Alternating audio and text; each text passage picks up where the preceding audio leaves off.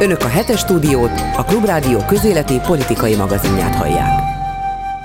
Folytatjuk a hetes stúdió adását, és ahogy az ilyenkor megszokott újságíró kollégáimmal vitatjuk meg, hogy mi történt a héten a világban és Magyarországon. Üdvözlöm a stúdióban Dési András kollégámat, a Volt Népszabadság főmunkatársát, külföldi tudósítót, Batka Zoltánt, a Népszava munkatársát, és természetesen egy állandó vitapartnert, Bolgár György kollégámat klubrádiós színekben. Nos, mit tartotok a hét legfontosabb itthoni eseményének? Melyik volt az? Hát az orvosi kamara bedarálását mindenképpen szerintem az, az, az, az, az vitte a prímet. Érdekes, érdekes volt látni, hogy lényegében 24 óra leforgása alatt kivégezték az orvosi kamarát, és beterjesztettek egy törvényt, megszavazták, bár csak a finn és a svéd NATO csatlakozást hm. támogatnák ilyen, ilyen, ilyen, ilyen sebességgel. Én azt gondolom, hogy az orvosi kamara abban a tévhitben élt, hogy az egyeztetéssel majd majd akkor sikerül, sikerül valamiféle közös nevezőre jutni a kormányal, de abban persze, hogy ugye elkezdtek tiltakozni az ügyeleti beosztás ellen, és hogy mondjam, ellentmondásba kerültek a, a kormányal, abban a percben lecsapott rájuk a, a központi kormányzati pörő és, és, és széttaposta őket. Ugye érde, érdemes, lesz, érdemes lesz majd ezt megnézni, hogy mi fog történni a többi kamarával, például az ipar és kereskedelmi kamarával. Hm. És hát ami szintén e, e, ehhez kapcsolódik. marad a kötelező tagság, tehát aki vállalkozó, az kötelezően fizet Parrag Lászlónak, és ha nem, akkor nyakára küldik a navot. Igen, Ebben biztos vagyok. És ami még számomra elgondolkodtató volt, vagy, vagy legalábbis tanulságos az, hogy ugye milyen csönd kísérte az orvosi kamara tiltakozását, tehát a szolidaritás szolidaritásnak nagyon kevés elét lehet látni ebben az országban, ami nagyon elszomorító szerintem.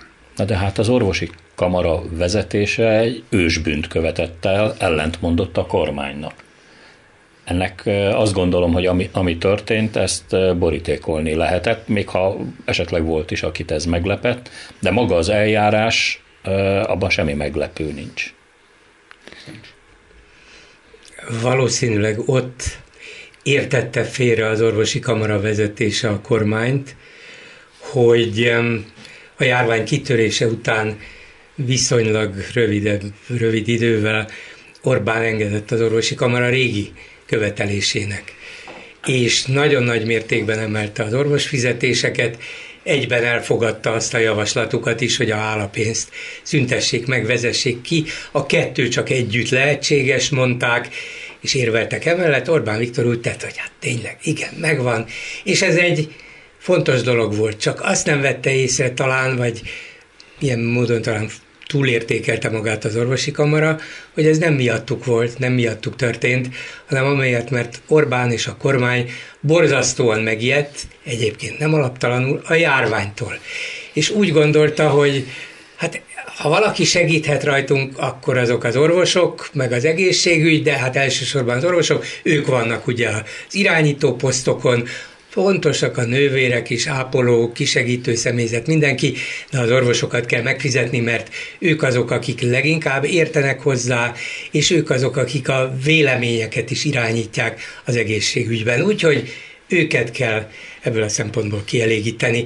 És ha ez ilyen remekül sikerült, tulajdonképpen remekül. Azt kell mondanom, és a hálapénz kivezetése, megszüntetése, ez egy történelmi lépés, akkor úgy érezhette az orvosi kamara, hogy hát ha ezt a nagy dolgot csináltuk, akkor most már az egészségügy átalakításában az ennél tulajdonképpen kisebb jelentőségű reform, vagy akár nem is reform értékű lépésekbe is beleszólhatunk, és azt mondhatjuk, hogy ez nem jó, ez nem így jó, másképp kellene csinálni, hallgassatok meg, hát figyeltetek ránk ennél fontosabb dolognál is, csináljuk. Ne úgy, de tárgyaljunk róla. A kormány meg rájött, hogy hát elmúlt a járvány, túléltük, 50, vala, 50 ezeren nem élték túl, de ők túlélték természetesen, és mostantól kezdve helyreáll a normális rend, az van, amit én mondok, nem az, amit ti. De hát itt lehult az állarc percek alatt. Pontosan, és azért, azért hullott le az állarc, és most itt nem is a szakmai részétnél, egészségi szakmai részéről beszélnek, hanem politikai részéről, mert Hát azért az eltelt fél évet azzal töltötte a kormány, hogy emlékezzünk, hogy Brüsszel felé bizonygatja, hogy nem, nem, nem, mi majd farolunk vissza egy valamiféle demokratikus irányba, hogy jöjjenek azok a pénzek fél évet ezzel töltött el, majd a végén, vagy hát ez a vége, nem tudom, hogy közepe a történetnek, mi történik, egy fatális hibát követnek el. Egy, szerintem egyébként ez egy rossz döntés volt, egy rossz hatalmi reflex volt, egy beidegződés Orbánéknál, mert egyszerűen erre állt rá, hogy mondjam, a kezük az évek alatt, ha valaki ellenáll, akkor az beszántani, behinteni sóval, stb.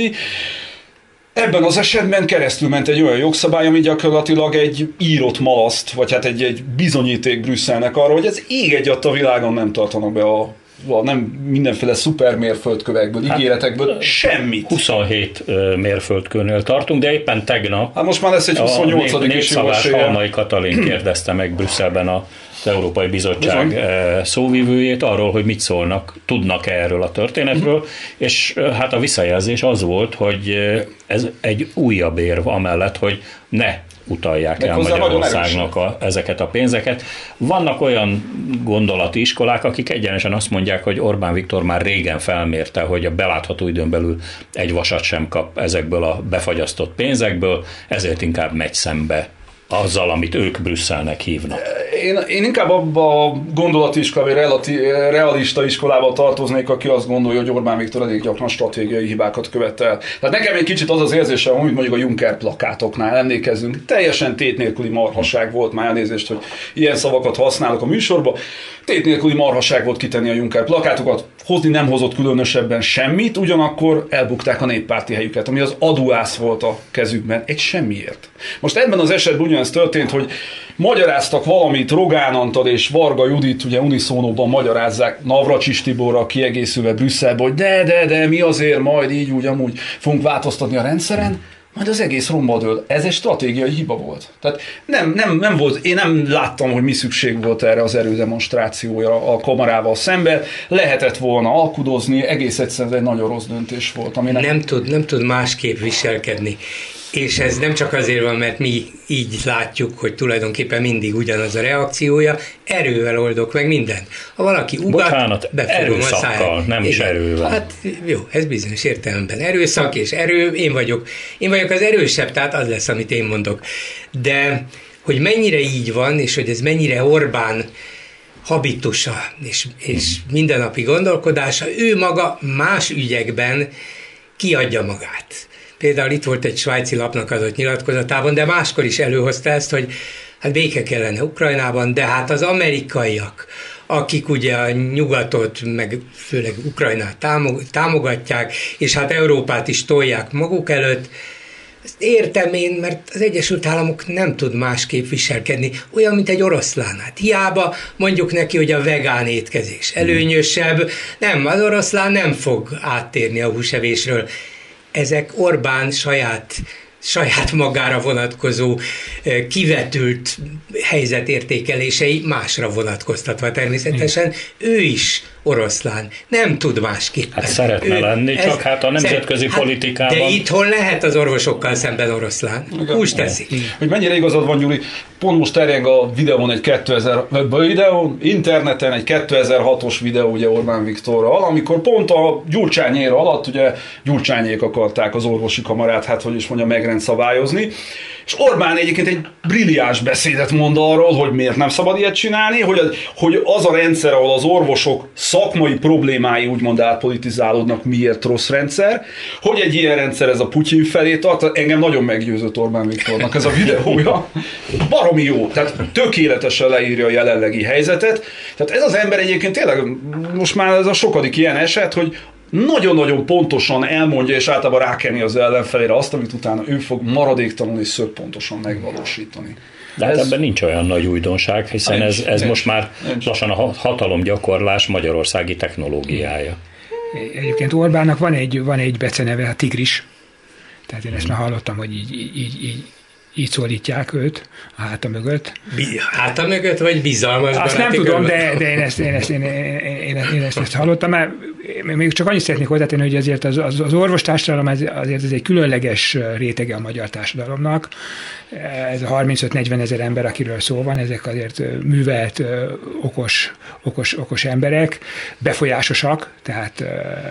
Hiszen az életünk múlik rajta. Pontosan, pontosan. De a szó szoros értelmében, hiszen azt az egész orvoskamarai tagságot, ezt nem azért találták ki, hogy nem tudom én, legyen bevétele az orvosi kamarának, hanem ez egy szakmai minimum, Igen. és azok az emberek, akik fehér köpenybe mászkálnak a kórházak folyosóján orvosként, azért azok ilyen 29-30 éves korukig tanulnak. Pontosan. Addig, amíg egyáltalán önállóan elkezdhetnek a betegekkel kapcsolatba kerülni. Tehát van ennek az orvos kamara elleni keresztes hadjáratnak egy nagyon csúnya tudás és tudomány ellenessége is nem először. Igen, igen. Ez lényegében ugyanaz van, mint amit látunk a Magyar Tudományos Akadémia esetében.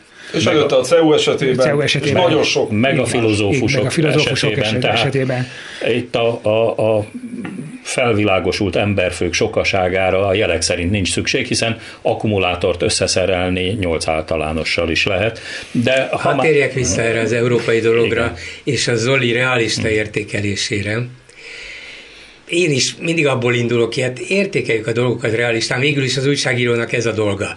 Próbáljuk a tények alapján, objektív, pártatlan, kiegyensúlyozott értékelése. Igen, igen, Elragadta sőt, a hév. Sőt, én még úgy gondolom, még úgy is gondolom, hogy az érzelmi döntésen felül, meg hogy nem is tud másképp viselkedni, az is benne van, amit hajmeresztőnek tartok, de már nem tartok lehetetlennek hogy felméri, felmérte, hogy nem lesz itt megállapodás az Európai Unióval, legalábbis belátható időn belül nem, és nem hagyom magam zsarolni, úgyhogy odavágom a pofátokba ezt is.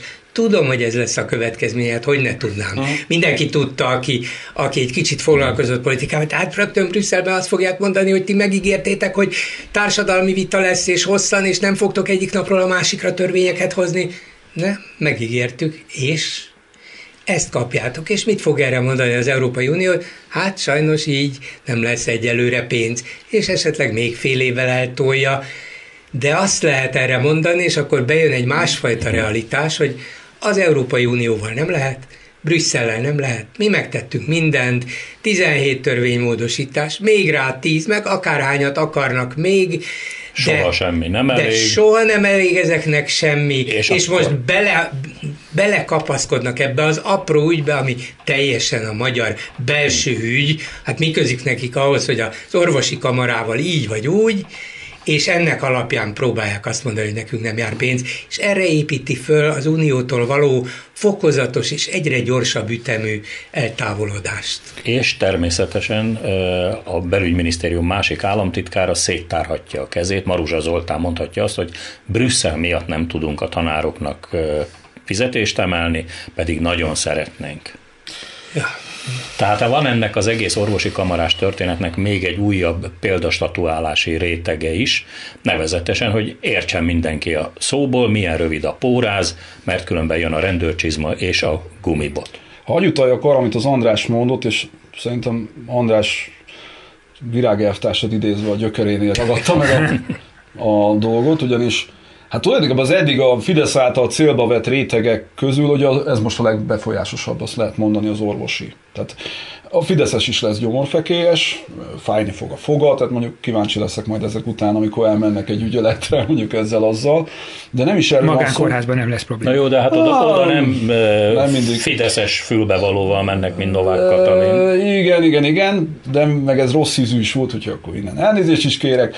Uh, nyilván az orvosok az ne a... fájjon nekik semmi. Ne fájjon nekik semmi, ennek ez a révig, és az orvosaink pedig egyébként a hipokratészi esküt mindenbe betartják. No, viszont ami a lényegesebb az az, hogy azért ez egy nagyon-nagyon erős lobby erőű réteg, sőt, hát ugye a Fidesz vélemény vezeireinek a nagy része, az kifejezetten ugye a vidéki orvostársadalom is volt, ugye a vidéki településen orvos, pap, izé, ügyvéd, nagyjából így néz ki a, a fő véleményvezér, tehát azokba ment bele, aki nekik egy nagyon erős támogató rétegük volt egy időben is. Ami nagyon érdekes ezzel kapcsolatban, hogy azt lássuk, hogy, hogy van egy olyan dinamika, hogy egyre rövidebbek a reakcióidők. Tehát annak idején még a felsőoktatási hallgatókkal, jól emlékszem, fél évig, három évig így elnyomogtak, mire úgy szép lassan bedarálják őket. És aztán, ahogy haladunk előre, CEU-val már jóval kevesebb, az akadémiát ugye Palkovics lezavartam itt, amíg két hónap alatt, valahogy így. Most pedig az orvosi kamarával, két hét volt, mennyi volt? Körülbelül. Két hét. Két hét alatt lezavarták. Tehát egyre, egyre csökken a reakció ideje, a, egyre gyorsabb a rezsim, egyre gyorsabban átfutnak ezek a döntések, ami egész egyszerűen számomra az én olvasatomban azt jelenti, hogy ez a rezsim butul el olyan értelemben butul el, amit Oroszországban látunk. Egyre kevesebb ugye az apparátusban az ellenállás a legfelsőbb akaratta szemben, és egyre több az olyan, aki azt mondja ki, amit ugye ez a Maruzsára utaltál, de tök mindegy, a nevesen nagyon érdemes, hogy megemlítse az ember, akik tulajdonképpen azt mondják, amit a vezér hallani akar. Tehát egyre, egyre, egyre tompul a rezsim, egyre gyorsabbak a döntése, és egyre kevesebb az ilyen, hát rejtetten kriptoszakmai ellenállások ebben a rezsimben. És egyre kevésbé tűri meg az ellenállást is. Tehát, De lehet, hogy Orbán akarja, bocsánat. attól tart, hogy um, egyre kevesebb az ideje hogy fut ki az időből, ezért siet ennyire. Hát, hogy mennyire fut ki, az persze egy kérdés, mert fut, ugye még hát a, a nemzetközi sajtóértekezleten pár hónappal ezelőtt azt mondta, hogy egy kérdésre, hogy hát még csak 16 évig volt ellenzékben, csak 16 és felett volt kormányon, ez a szaldó, ez, ez mm. kevés, még 16-ot szeretne pluszban. És akkor most a héten nem olyan fontos esemény, de nagyon jellemző volt Kajróban az egyiptomi diktátornál, ott elkezdtek barátian, és akkor ott is előhozta ezt, hogy valahogy mennyire ott van a fejében ez is, és gyakorlatilag minden lépése mögött ez, azt, azt mondja itt, hogy most nekünk abban a szerencsében van részünk, hogy az elnök úr és jó magam hosszú évek óta vezethetjük az országainkat, és így ennek az egyiptomi magyar kapcsolatoknak stabil alapjai vannak. Hosszú évek vannak mögöttünk, és hosszú évekre tervezünk előre. És úgy érezzük, hogy még sok jót tehetünk a két nép barátsága érdekében. Hát az egyiptomi diktátor Tán halálaig lesz ott, és Orbán Viktor valahogy hasonlóan gondolkodik. Választás ide, választás oda, hosszú évekre. De azért érzi, hogy örökké nem lehet, úgyhogy az orvosi kamarával is gyorsan kell végezni. Hát én azért halkan azt mondanám, hogy az Orbán Viktor ugye az az ember, aki, fú, most már sokat elmondom ki a nevét, most már vonjatok le a fizetésemből. Ezt mindig mondtam ellenzéki politikusnak, hogyha nagy néha beszélünk, ritkán, hogy ahányszor kimondják a nevét a vezérnek, annyi vonjanak le a fizetésébe egy ezrest, úgyhogy ez akkor rám is érvényes. Szóval, hogy azért ez a jó ember az az ember, aki nem tudom, az ajtót ostromolná a tömeg az, hogy felkoncolják, ő előtte még simán leadna egy ilyen nyilatkozatot, hogy barátaim, az ezer éves Magyarország aranykora jött tehát hogy ő aztán tényleg szemreben is bármikor bármilyen helyzetből sikerkommunikációt tud faragni, vagy éppen elmegy a... Rossz kifejezés, aztán mielőtt megkoronázzák. Vagy megkoronázzák a Duna jegén, amire most már klímaváltozás a, megint. A, a globális felmelegedés Igen, az, az, az, már nem lesz. Az már nem lesz. hogy a Dunajegén nem fogják hát tudni a, királyá koronázni. Hát, ha meg a Duna homokja lesz, akkor nem biztos, hogy megkoronázzák, szóval, hogy... Viszont annyira... azért apostoli király még lehet belőle, hiszen jön április végén a pápa Magyarországra.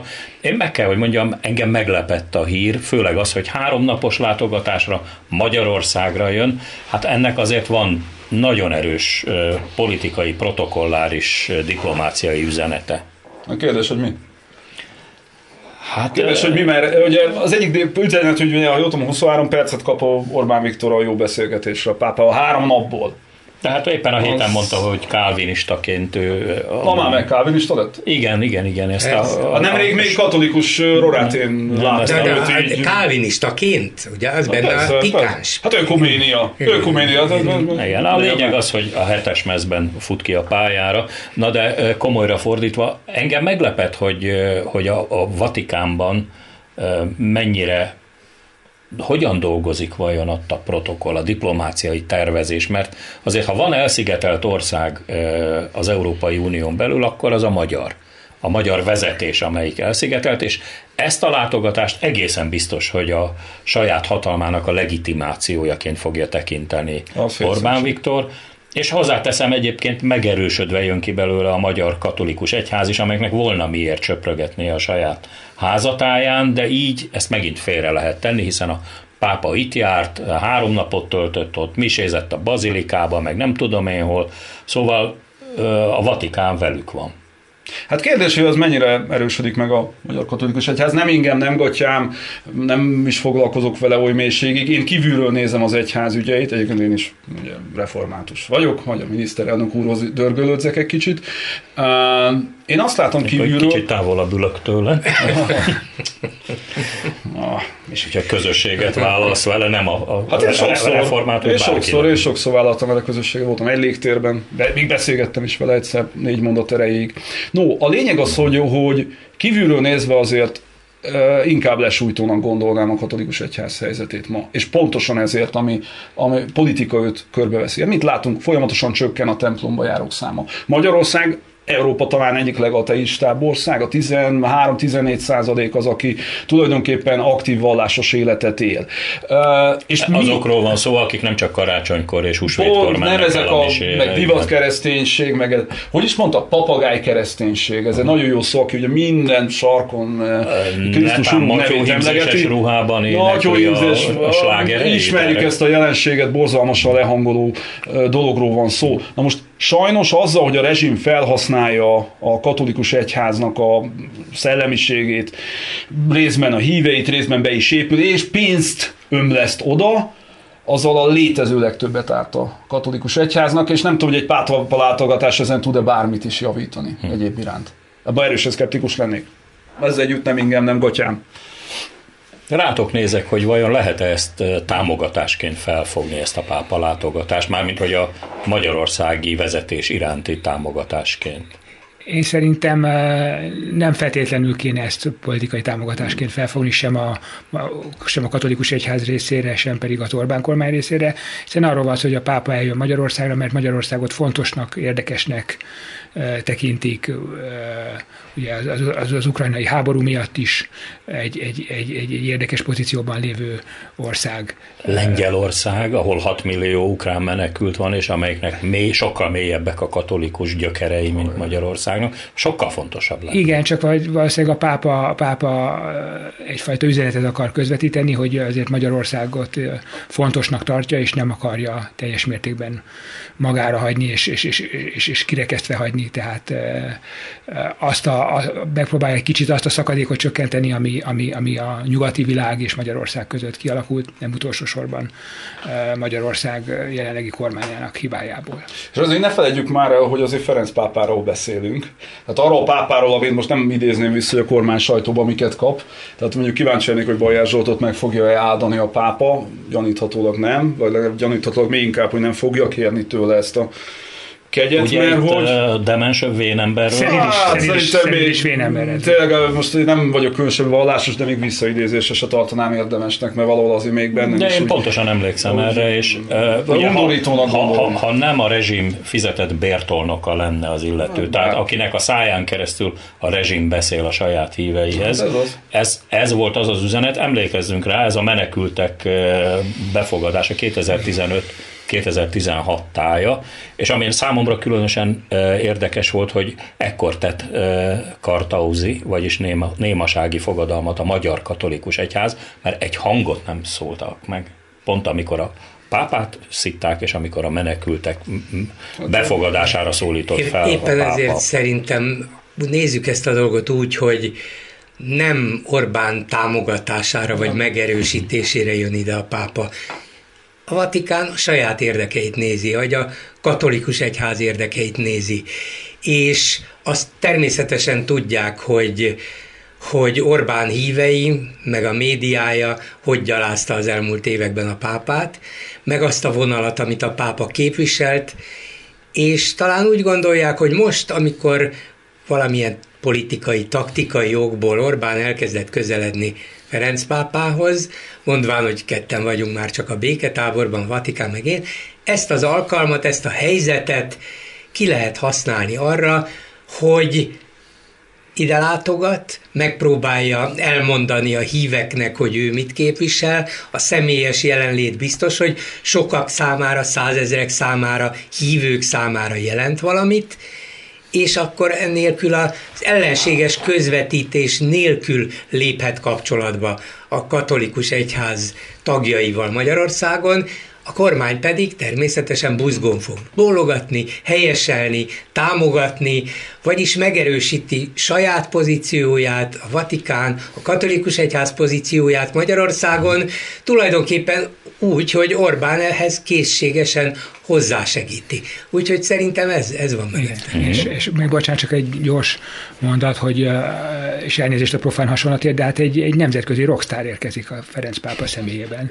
Mm. Tehát aki, a, a, aki, aki százezreket, milliókat mozgat meg, és, és ennek szerintem nagyon-nagyon érdekes, érdekes üzenete van, és, és nagyon érdekes lesz látni, hogy, hogy milyen reakciók fognak születni az ő fellépésére. Engem egy dolog gondolkoztatott ez a három napos látogatás, tehát hogy amiről beszélünk, hogy közvetíteni, tehát az bőven elég lenne egy egy-két napos protokoll látogatás. Én nekem az jár az eszemben, hogy... Szlovákiában azért, nem ennyi ideig volt? Azért egy, Szlovákia egy, hogy három nap kisebb, volt ott. Szlovákia egy kisebb azért, ország, kisebb azért, katolikus közösség. Két dolgot gondolok. Magyarország esetében, ahogy mondtad, biztos vagyok benne, hogy Ferenc pápa tökéletesen tisztában van, és a, a pápai, hogy mondjam, igazgatása a Magyarország problémáival. Tehát pontosan látják azt, hogy egy ilyen átpolitizált katolikus egyházzal mondjuk 30 év van nem biztos, hogy lesz még egyáltalán. Annyi számottevő katolicizmus. Mert ahogy mondtad, Lengyelországban a katolicizmus az azt jelenti. Azt látjuk mi is, hogyha oda megyünk. Magyarországon, amit látunk, ilyen átpolitizáló, borzalmas dolgot látok így laikusként kívülről, és nagyon sajnálom egyébként azokat a hívőket, akik, és tudom, hogy nagyon sokukban ez problémát okoz, ami van Magyarországon. Tehát én egész egyszerűen arra gondolok, hogy Ferenc pápa főnök és munkalátogatás. Hát tényleg arról van szó, hogy végig meg akarja beszélni a itteni idézelbe, és akkor én is profál leszek, mint András, beosztottjaival, hogy mi az ördög folyik itt. Hát ténylegesen azért egy, egy olyan... Ebben a kontextusban egy, ördögöt említeni, az igen, nagyon jó. Igen, igen. Mi folyik itt Magyarországon, mert mégiscsak egy olyan katolikus egyházról beszélünk, ahol Erdő Péter bíboros, amikor megszólalt, mit mondott, hogy nem nyitják meg a templom kapuit, mert nem, nem akarnak embercsempészek lenni a menekült válság idején.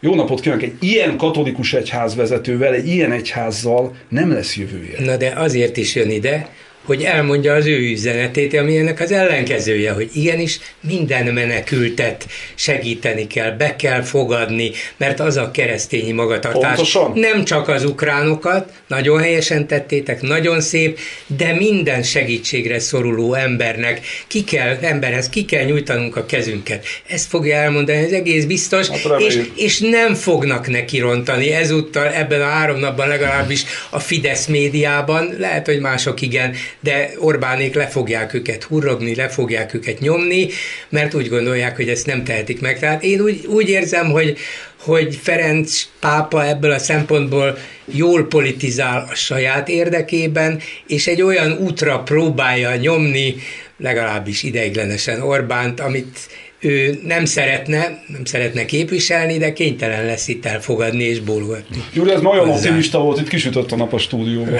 Kinyíltak az ibolyák. esetre, ha már... És különben is. Egy dolgot ne felejtsük el megint. A...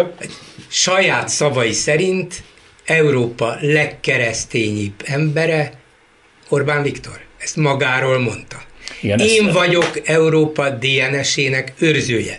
Ezt nyilván Ferenc pápa elé is odatolják, hogy itt Azért van azt a génbankot én őszentsége, őszentsége, nézze meg, hogy most uh-huh. Európa legkeresztényebb emberével fog találkozni. Persze, rajta még itt van 7 mérföldes csizma, szóval ilyeneket is tudok mondani. Gyuri átvezetett a következő pontra, ugye ez a bizonyos svájci labnak adott hosszú-hosszú Orbán interjú, ahol kiderült, hogy és akkor most már használjuk az alliterációkat, ez a Weltwoche nevű egykor konzervatív, ma inkább szélső jobboldali botránylap, és a béketáború is kiderült, hogy a Vatikán és Viktor, vagy Viktor és a Vatikán az őrzője, és a szószólója a valódi békének.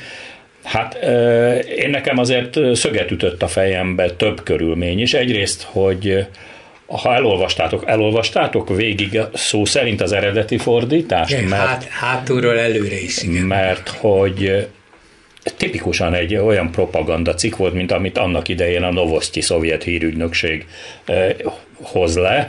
Itt a tulajdonos főszerkesztő volt az, aki személyesen interjút készített Orbánnal. Nem tudok szabadulni attól az érzéstől, hogy mint a Fox News esetében itt is a miniszterelnöki hivatal fizette a látogatást, és esetleg támogatta Magyarországról szóló reklámokkal a Weltwoche megjelenését. Ez ugye az utóbbi pár évben felére csökkent a példány száma Svájcban, de egy szélső jobboldali, hangsúlyozottan roma ellenes és menekült vagy iszlám ellenes Orbán barátai mindig tehát ez, ez így van és, és végül uh, hosszasan elbeszélgetett. Ez, ez tipikus példa, egyébként tanítani kellene újságíró iskolában ezek az alákérdezős mhm. interjúak, hogy interjúk, hogy... Ó, nem kell azt tanítani, hogy a kollégák már belejöttek eléggé a közmédiába. Tehát én ülök pár kormányinfon gyerekeket, senkinek nem... És a másik kívánom. érdekesség, hogy ezt a hosszú interjút, ezt a kormány.hu hozta le, a teljes szöveget, majd nagyon gyorsan egy szerkesztett, rövidített változatot tettek a helyére, mert nagyon kilógott a lólát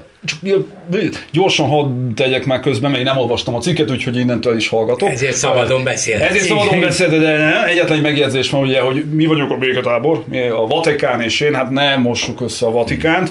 A Vatikán az egy valós ugye, békevágyat fogalmaz meg, ami ugye az evangélium szellemiségéből fakad, hogy az Orbán féle úgymond békevágy, az meg sem ez a Kremnek a propagandája, béke propagandája. Hát van még egy nem különbség, nem, ugye a Vatikán nem tagja a NATO-nak és nem tagja az Európai Uniónak, még akkor is, hogyha ez utóbbiban sok országban nagyon befolyásos a katolikus egyház, de hát nem egy, ilyen szempontból nem egy komoly súlyjal bíró nemzetközi Nyilván. tényező, más szempontból igen, szóval kétségtelen. Egyik az egy valós béke, vágy, a másik meg az orosz propaganda része, már én úgy gondolom. És hát akkor ugye jönnek ezek a, a diplomáciai szempontból nagyszerű kijelentések, hogy ha Trump lenne az elnök két hét alatt vége lenne az Ukrajna elleni háborúnak, ha a demokraták kerülnek Washingtonban hatalomra, akkor mi fedezékbe vonulunk, Hát, mint hogyha elgurult volna az a bizonyos gyógyszer. Szóval azért a diplomáciában ilyeneket nem szoktak mondani. Hatalmon vagy hivatalban levő kormányokkal, velünk papíron szövetséges kormányokkal, amelyek a, a, a NATO 5. cikkely alapján megvédenek bennünket, hogyha a Magyarország területét támadás érni. Emlékeztetnék rá ez, szerintem ez egyáltalán nem zavarja őket, mármint, mármint az Orbán kormányt, és sőt én azt is észreveszem, hogy, hogy szinte lubickolnak ezekben a, ezekben a hangzatos, hangzatos kijelentésekben, és folyamatosan emeli a tétet, hogy minél, minél szaftosabbat, minél úgymond ízesebbet üzenjen Washingtonba. Biztos, hogy nem tesz jót a magyar-amerikai viszonynak, és... Hát ugye két, két fő ellenséget jelölt meg, vagy ellenfelet jelölt meg ebben az interjúban Orbán, az egyik az Európai Unió, a másik pedig Washington volt. Tehát a, két, a Biden adminisztráció. A Biden adminisztráció. Ugye a republikánus barátokkal ugye sokkal jobban. két évig még itt lesznek. Hát még lehet, hogy tovább is így lesznek. És én azt gondolom, hogy bárki lesz az Egyesült Államok következő elnöke, az Ukrajna melletti kiállás az folytatódni fog, még akkor is, hogyha ha, ha, ha, ha közben valamiféle megoldása lesz ennek a szörnyű háborúnak, de, de Amerika tartósan megjelent a kelet-közép-európai térségben, visszatért a kelet-közép-európai térségbe 2014 után, a Krím elfoglalása után, de már előtte is sokkal, sokkal aktívabbak voltak, de 2014 után végleg, végképp, végképp e, e, ez történt, és, és, és, az Egyesült Államok továbbra is ugyanazt a politikát fogja folytatni uh, Ukrajna kapcsán, mint amit, mint amit eddig folytatott. Tehát ebben én nem hiszem, hogy változás lesz. Nem evér a Misi kenyerét.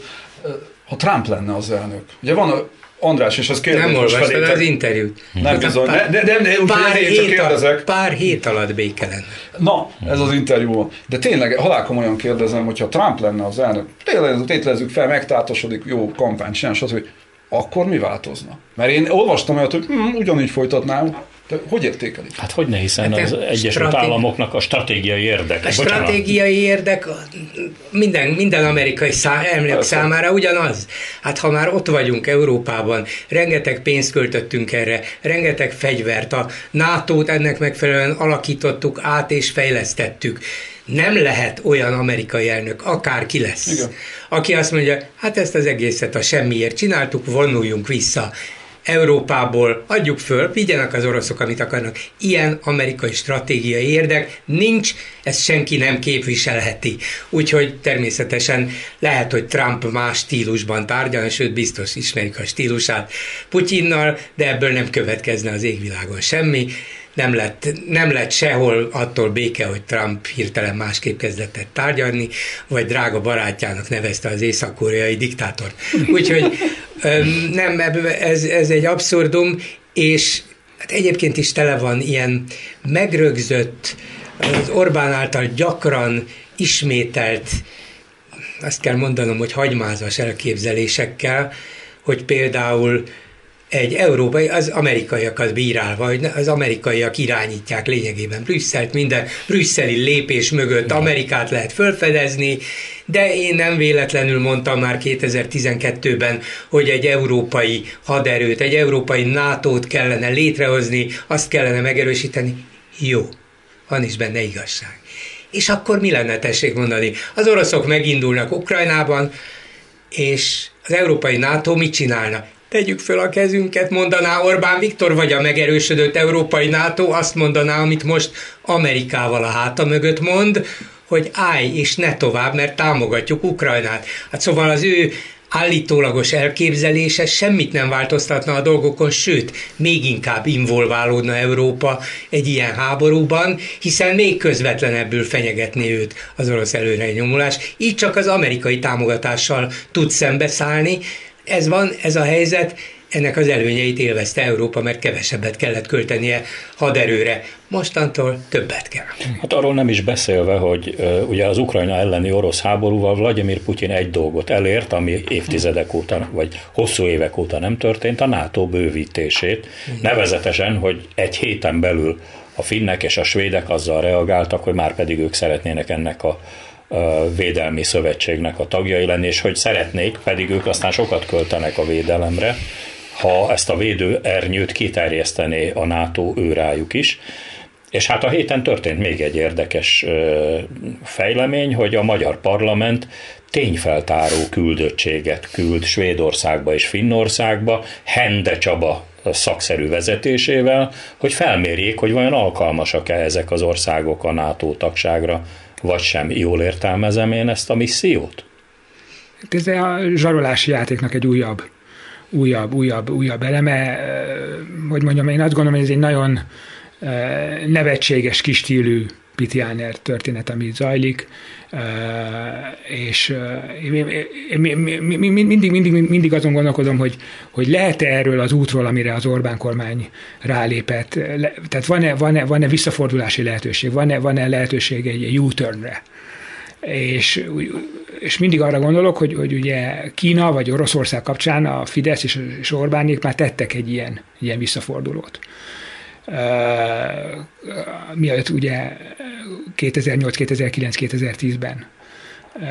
És hogy most esetleg várható-e egy ilyen fordulat, és én azt látom, hogy, hogy, hogy, hogy, hogy, hogy egyre inkább elveszik az esélye annak, hogy legyen egy ilyen fordulat, és, és menthetetlenül sodródik az, ez az ország ki a, a nyugati világ peremére, ahonnan sokkal nehezebb lesz visszajönni, mint ahogy a rendszerváltáskor volt Magyarország a nyugathoz képest. Egy kérdés, és a NATO tagsághoz képest.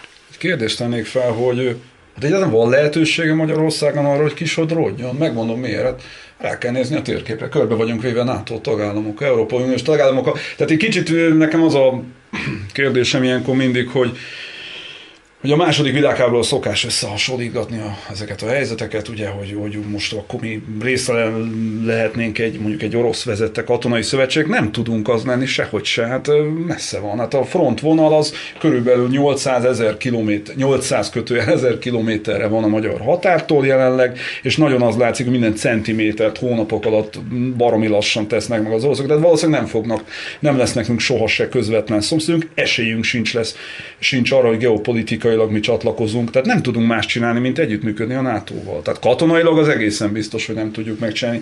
Akkor mit próbálnak ezzel elérni Orbánék? Tehát hogy fogják azt menedzselni, hogy mi ne is legyünk a NATO része, úgyhogy egyébként közben meg a magyar hadseregben, ami történik a magyar hadseregben, annak a 60-80 a NATO.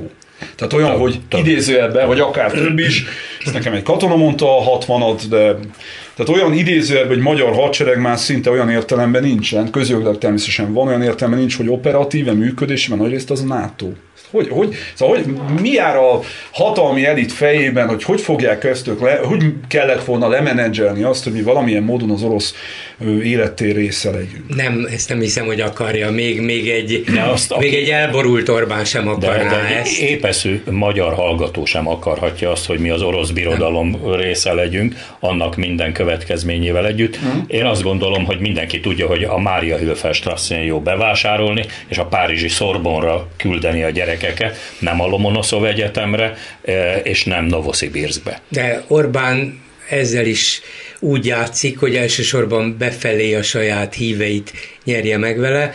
Ebben a svájci interjúban is máshogy is kifejtette, hogy hát mi tulajdonképpen semlegesek szeretnénk lenni, csak ez a földrajzi pozíciónk nem megfelelő.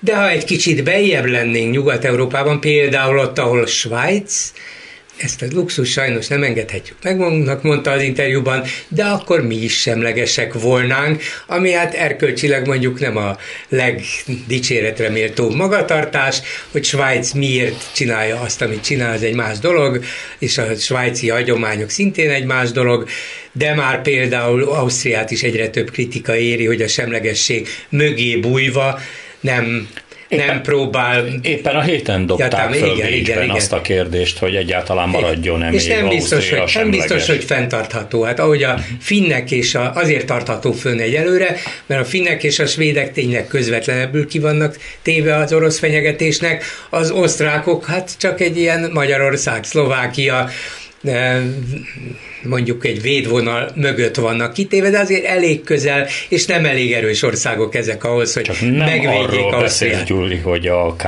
K világot kellene visszahozni egy osztrák-magyar monarchiát, mert nagyon sok, nagyon sok önjelölt lenne. Nem, akkor. de a lényeg az, hogy Orbán egy ilyenfajta semlegességi hát micsoda, álomvilágot, fantázia világot próbál felrajzolni. Sok magyarban benne van, hát az volna nekünk az igazi, se ide nem tartozni, se oda, mindenhonnan csak a jót szerezni, onnan olcsó földgáz importálunk, oda eladjuk az ebből feldolgozott magyar termékeket, nyugatról behozzuk a jót, behozzuk a tőkét, mindenfélét, a fejlett technológiát eladjuk az oroszoknak, és így tovább. Milyen szép ez, hát, ez a világ. Igen, ugye? megvalósítható abszolút, hogy mondjuk a Azori szigetek mellett a Mészáros Lőrinc épít egy mesterséges szigetet, és akkor ott lesz az új Magyarország. És egyébként akkor tényleg geopolitikai, és akkor geopolitikailag megvalósul az, hogy valóban nagyjából semlegesek tudunk maradni. Tehát, hogy most viccelődők, de nagyjából ennek az ilyen semlegességi elmélkedéseknek, ugye mélyebb szakmai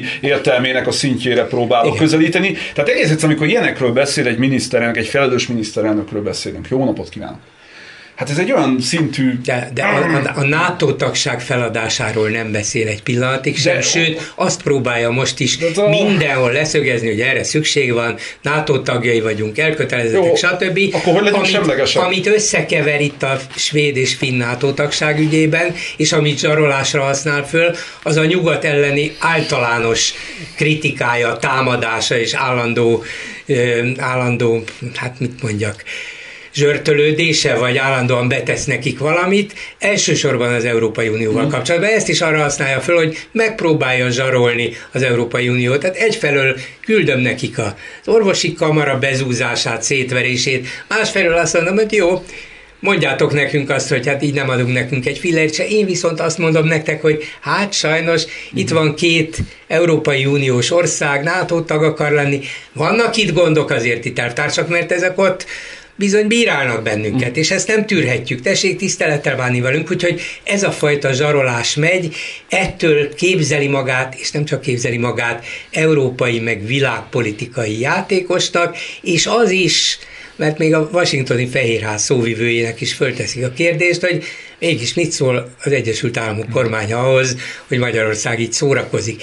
És igen, Orbán bejátszotta magát a világpolitikába. E, bizonyos értelemben természetesen igen, hiszen a nevét ismerik, mint ahogy egy, e, nem tudom, az Al Capone nevét is ismerik. A az egész, tehát el lehet intézni sokat. Ne nyugtassuk magunkat ezzel, mert mi ennek az embernek az uralma alatt élünk, tehát hiába szóljuk őt le, mi velünk azt csinál, amit akar. Tényleg azt csinál. Ezért szoktam azt mondani, hogy Magyarország akkor lesz jó ország, hogyha senki nem ismeri a miniszterelnök nevét az utcán. Nem vicc, az a baj, hogy az ilyen túl nagy egyéniségekhez egy pici ország nem engedheti meg magának a luxus. Zoli, ezt meg kell fordítani, de ha. hát ugye te se tudod most Séróból megmondani, hogy ki a svájci miniszterelnök, és nem. szerintem sok svájci sem tudja, nem. hiszen nem feltétlenül kell neki tudnia, mert az a miniszterelnök azt csinálja, ami a dolga, nem. az állampolgárok megbízásából vezeti az országot. Nem kell neki, neki tudni, hogy nem tudom én, az igazságügyminiszter az focimezben szeret focizni még nőlétére, és így tovább, és így tovább. Azok a boldog országok, országok, ahol nem feltétlenül ismerik a kormányt Pontosan. ilyen részletesen az emberek. Pontosan. Skandináviában is van egy pár ilyen ország, meg e, Nyugat-Európában is, de e, azért ez, ez feltétlenül e, érdekes kérdés, hogy amit Gyuri mondott, hogy, hogy az olyan picit, mint az isztambuli bazárban alkudozna Orbán Viktor, hogyha ti e, ne, levesztek a, a mi bírálatunkból, vagy esetleg a jogállamisági eljárásban támogatjátok Magyarországot az EU-ban, akkor mi nem gördítünk akadályt az, a NATO tagságotok útjába. Csak hát ez olyan nagyon lábszagúnak tűnik ez a történet. Persze, felháborít. A külügyminiszter Szijjártó azt volt képes mondani, hogy ha ők szívességet kérnek tőlünk, mármint, hogy vegyük fel őket a NATO-ba, vagy vegyük fel, hát mik vagyunk mi ahhoz, hagyjuk jó az ő felvételüket, akkor, akkor ne bíráljanak bennünket. Nem szívességkérés. Két ország saját és Európa közös védelmi érdekei miatt csatlakozni kíván nato saját védelmét erősítve, és a többi NATO tagállam védelmét erősítve, mert az, hogy a finnek és svédek csatlakoznak hozzánk, ez Magyarország védelmét is erősíti, nem szívességet kérnek, és a magyar külügyminiszter képes ilyet mondani, de itthon jól hangzik. Na ezt akartam pont mondani, hogy azért ezek a nem is tudom, minek minősítsem belerőfenések, mert nyilatkozatnak azért nem mondanám, ezek a hazai közönségnek szólnak, tehát tartok tőle, hogy külföldön nem nagyon hallanak, nem is nagyon érdekel különösebben senkit ez. Tehát valószínűleg az le van játszva, hogy, hogy hát Finnország, azt Svédország meg Orbán, hogy megakadályozza a két ország elérkezését. De azért sokat elárul a, a dolognak a koreográfiájáról az, hogy eh, Hende Csaba, eh, mielőtt megbízták ezzel a tényfeltáró bizottság vezetésével, Szijjártóval kéz a kézben, ugye a honvédségi eh, repülőgépen elrepült először Ankarába a törököknél tájékozódni, nagyon nehéz azt mondani, hogy ez nem az időhúzásnak a része. De hát ez pontosan az időhúzásnak a része, és ugye az Orbánék a maguk körletében eljátszák azt, amit ugye az Erdogánék eljátszanak egy sokkal nagyobb mm. saktáblán. És egészen addig fog tartani, egészen addig fog tartani ez a nagy magyar ellenállás, amíg, amíg, amíg, amíg az Erdogánék be nem adják a derek, derekukat, és, és, és meg, meg fog történni, mert, a, mert Törökországnak is érdeke, hogy, hogy ugye megkapja azokat a fegyvereket az, egy, az Egyesült Államoktól, amelyeket, amelyeket szeretne. Tehát itt sok, minden, sok, sok mindennel összefügg, ez egy nagyon komplikált kérdés. Én azt gondolom, hogy ahogy az előbb mondtam, tehát am, amikor a törökök rábólintanak és, és, és a, a, aláírásokat adják ehhez az egész dologhoz, akkor abban a percben a magyar ellenállás is meg fog tűnni, és akkor hirtelen... Előtte egy perccel. Hm. Akár kettővel is. Igen, itt a, nekem mindig az fogalmazódik meg bennem picit, hogy azért Orbán, ha jó megnézzük, ó, oh, megint kimondtam. Ah, ezer, ezer forint. Ezres, már 2000. Most már 2000. Szóval, hogy azért ez a jó ember, ez az el, eltelt 5-6 évben sorba benézte az összes nagyobb külpolitikai folyamatot. Az összeset. Gyakorlatilag az egyetlen dolog volt, hogy Donald Trumpnak a megválasztáson azt, hogy nagyjából jó megtippelte, az összes többit elrontotta, de legalább teljes menetszéllel bele is állt azokba a döntéseikbe. Tehát egy kicsit úgy ijesztő az, hogy bennem megfogalmazom, hogy látva Szijjártónak az emberi habitusát, Orbán emberi habitusát, hogy ezek az emberek nem, ezek el, tehát ők nem nagy stratégiák. Én nem hiszem, hogy, hogy Orbán olyan nagy, nagy külpolitikai stratéga lenne. Belpolitikailag... De, de igen, úgy érzi saját magáról, úgy, érzi, úgy is, is adja elő. Én is úgy érzem és, magamat egyébként és néha. És sokan a amerikai, meg nyugat-európai szélső jobboldali politikusok, elemzők, újságírók közül be is veszik, mert valóban tud úgy beszélni, hogy az egészet egyben nézi, egyben láttatja, összefüggéseket keres a magyar politika és akár Brazília között, Putyin és az Egyesült, olyanokról beszél, amiről egyébként nem volna dolga beszélni, mert Pontosan. nem sok köze van hozzá, de ott ülnek mellette az emberek, és hallgatják, na hát ez a miniszterelnök milyen emberi módon, és tényleg ezt is tudja, és ezt is belehelyezi, és így összerakja az egész képet. Mindjárt van egy világosabb képünk a világról, hogy az merre tart. Benne van a gender, benne van a migráció, benne van minden anyám kínja, és és úgy érzik, hogy Orbán rendet teremt ebben a kusza világban. Hát, hát e- ehhez van képessége. Igen, ők, ők ezt kétségtelen úgy érzik, és vannak ezek a alt vagy jó Isten tudja, minek nevezzük ilyen szerencsétlenek, akik, igen, ez működik náluk, de alapvetően, de és azt gondolom a nagy politikában, ez nem működik. Tehát a, szerintem a, a nagy politikában, ahol ténylegesen ilyen Kissingeri értelmű diplomácia zajlik, ott ezekkel a szemfényvesztéssel... A Bidennek adja elő majd a nem, vízi, vagy, vagy Putyinnak adta elő, hogy, vagy éppensége a szerencsétlen Szijjártó Péter, hogy a Szergejnek nevezi a, a nálánál 20 évvel idősebb Igen. Szergej Lavrovot. Jó, van, nem van szokás az több is, mint 20. Vagy több is, mint 20. Több is, mint. Tehát eleve nem is szabadna így nevezni őt, és ő tényleg azt hiszi, hogy mi hű, de jó haverok vagyunk. Tehát, hogy ezeket az embereket én sajnos attól tartok, hogy útpalira veszik, mint annak a rendje. Egy nemzetközi szinten, és el fogják véteni a lépést, hanem már elvétették nagyon súlyosan a lépést. És Igen, egyébként... csak hát amit, amit Gyuri mondott, ugye ezek a pofon egyszerű, fekete-fehér igazságok, hmm. ezekre, ha nem is a diplomácia alakítói, de a nagy közönség nagyon sok helyen vevő, mert a világ tényleg nagyon összetett, és nagyon sok irányba megy, de az egyszerű magyarázatokra mindig van vevő, mert úgy érzik, hogy aha, tényleg megmagyarázta nekünk ez az okos ember, hogy ez az bonyolult világ, ez hogy működik, és mi mitől van. De mi nem fogjuk tudni itt most megmagyarázni, hogy a világ mitől van. A hetes stúdió második órájának a végére értünk. Én nagyon szépen köszönöm Batka Zoltánnak a népszava színeiben, Dési Andrásnak a volt népszabadság színeiben, és Bolgár György kollégámnak pedig a Klubrádió színeiben, hogy ebben a beszélgetésben részt vettetek. Ezzel a hetes stúdió adásának a végére értünk. A műsor elkészítésében részt vett Bodnár Barna, Gál Bence, Turi Lui és Lantos Dániel. A műsor második óráját a Klubrádió YouTube csatornáján is megnézhetik, szombaton este 6 óra után. A szerkesztő Csernyánszki Judit nevében is elköszön a műsorvezető, önök Hardi Mihályt hallották. A hetes stúdiót a Klubrádió közéleti politikai magazinját hallották.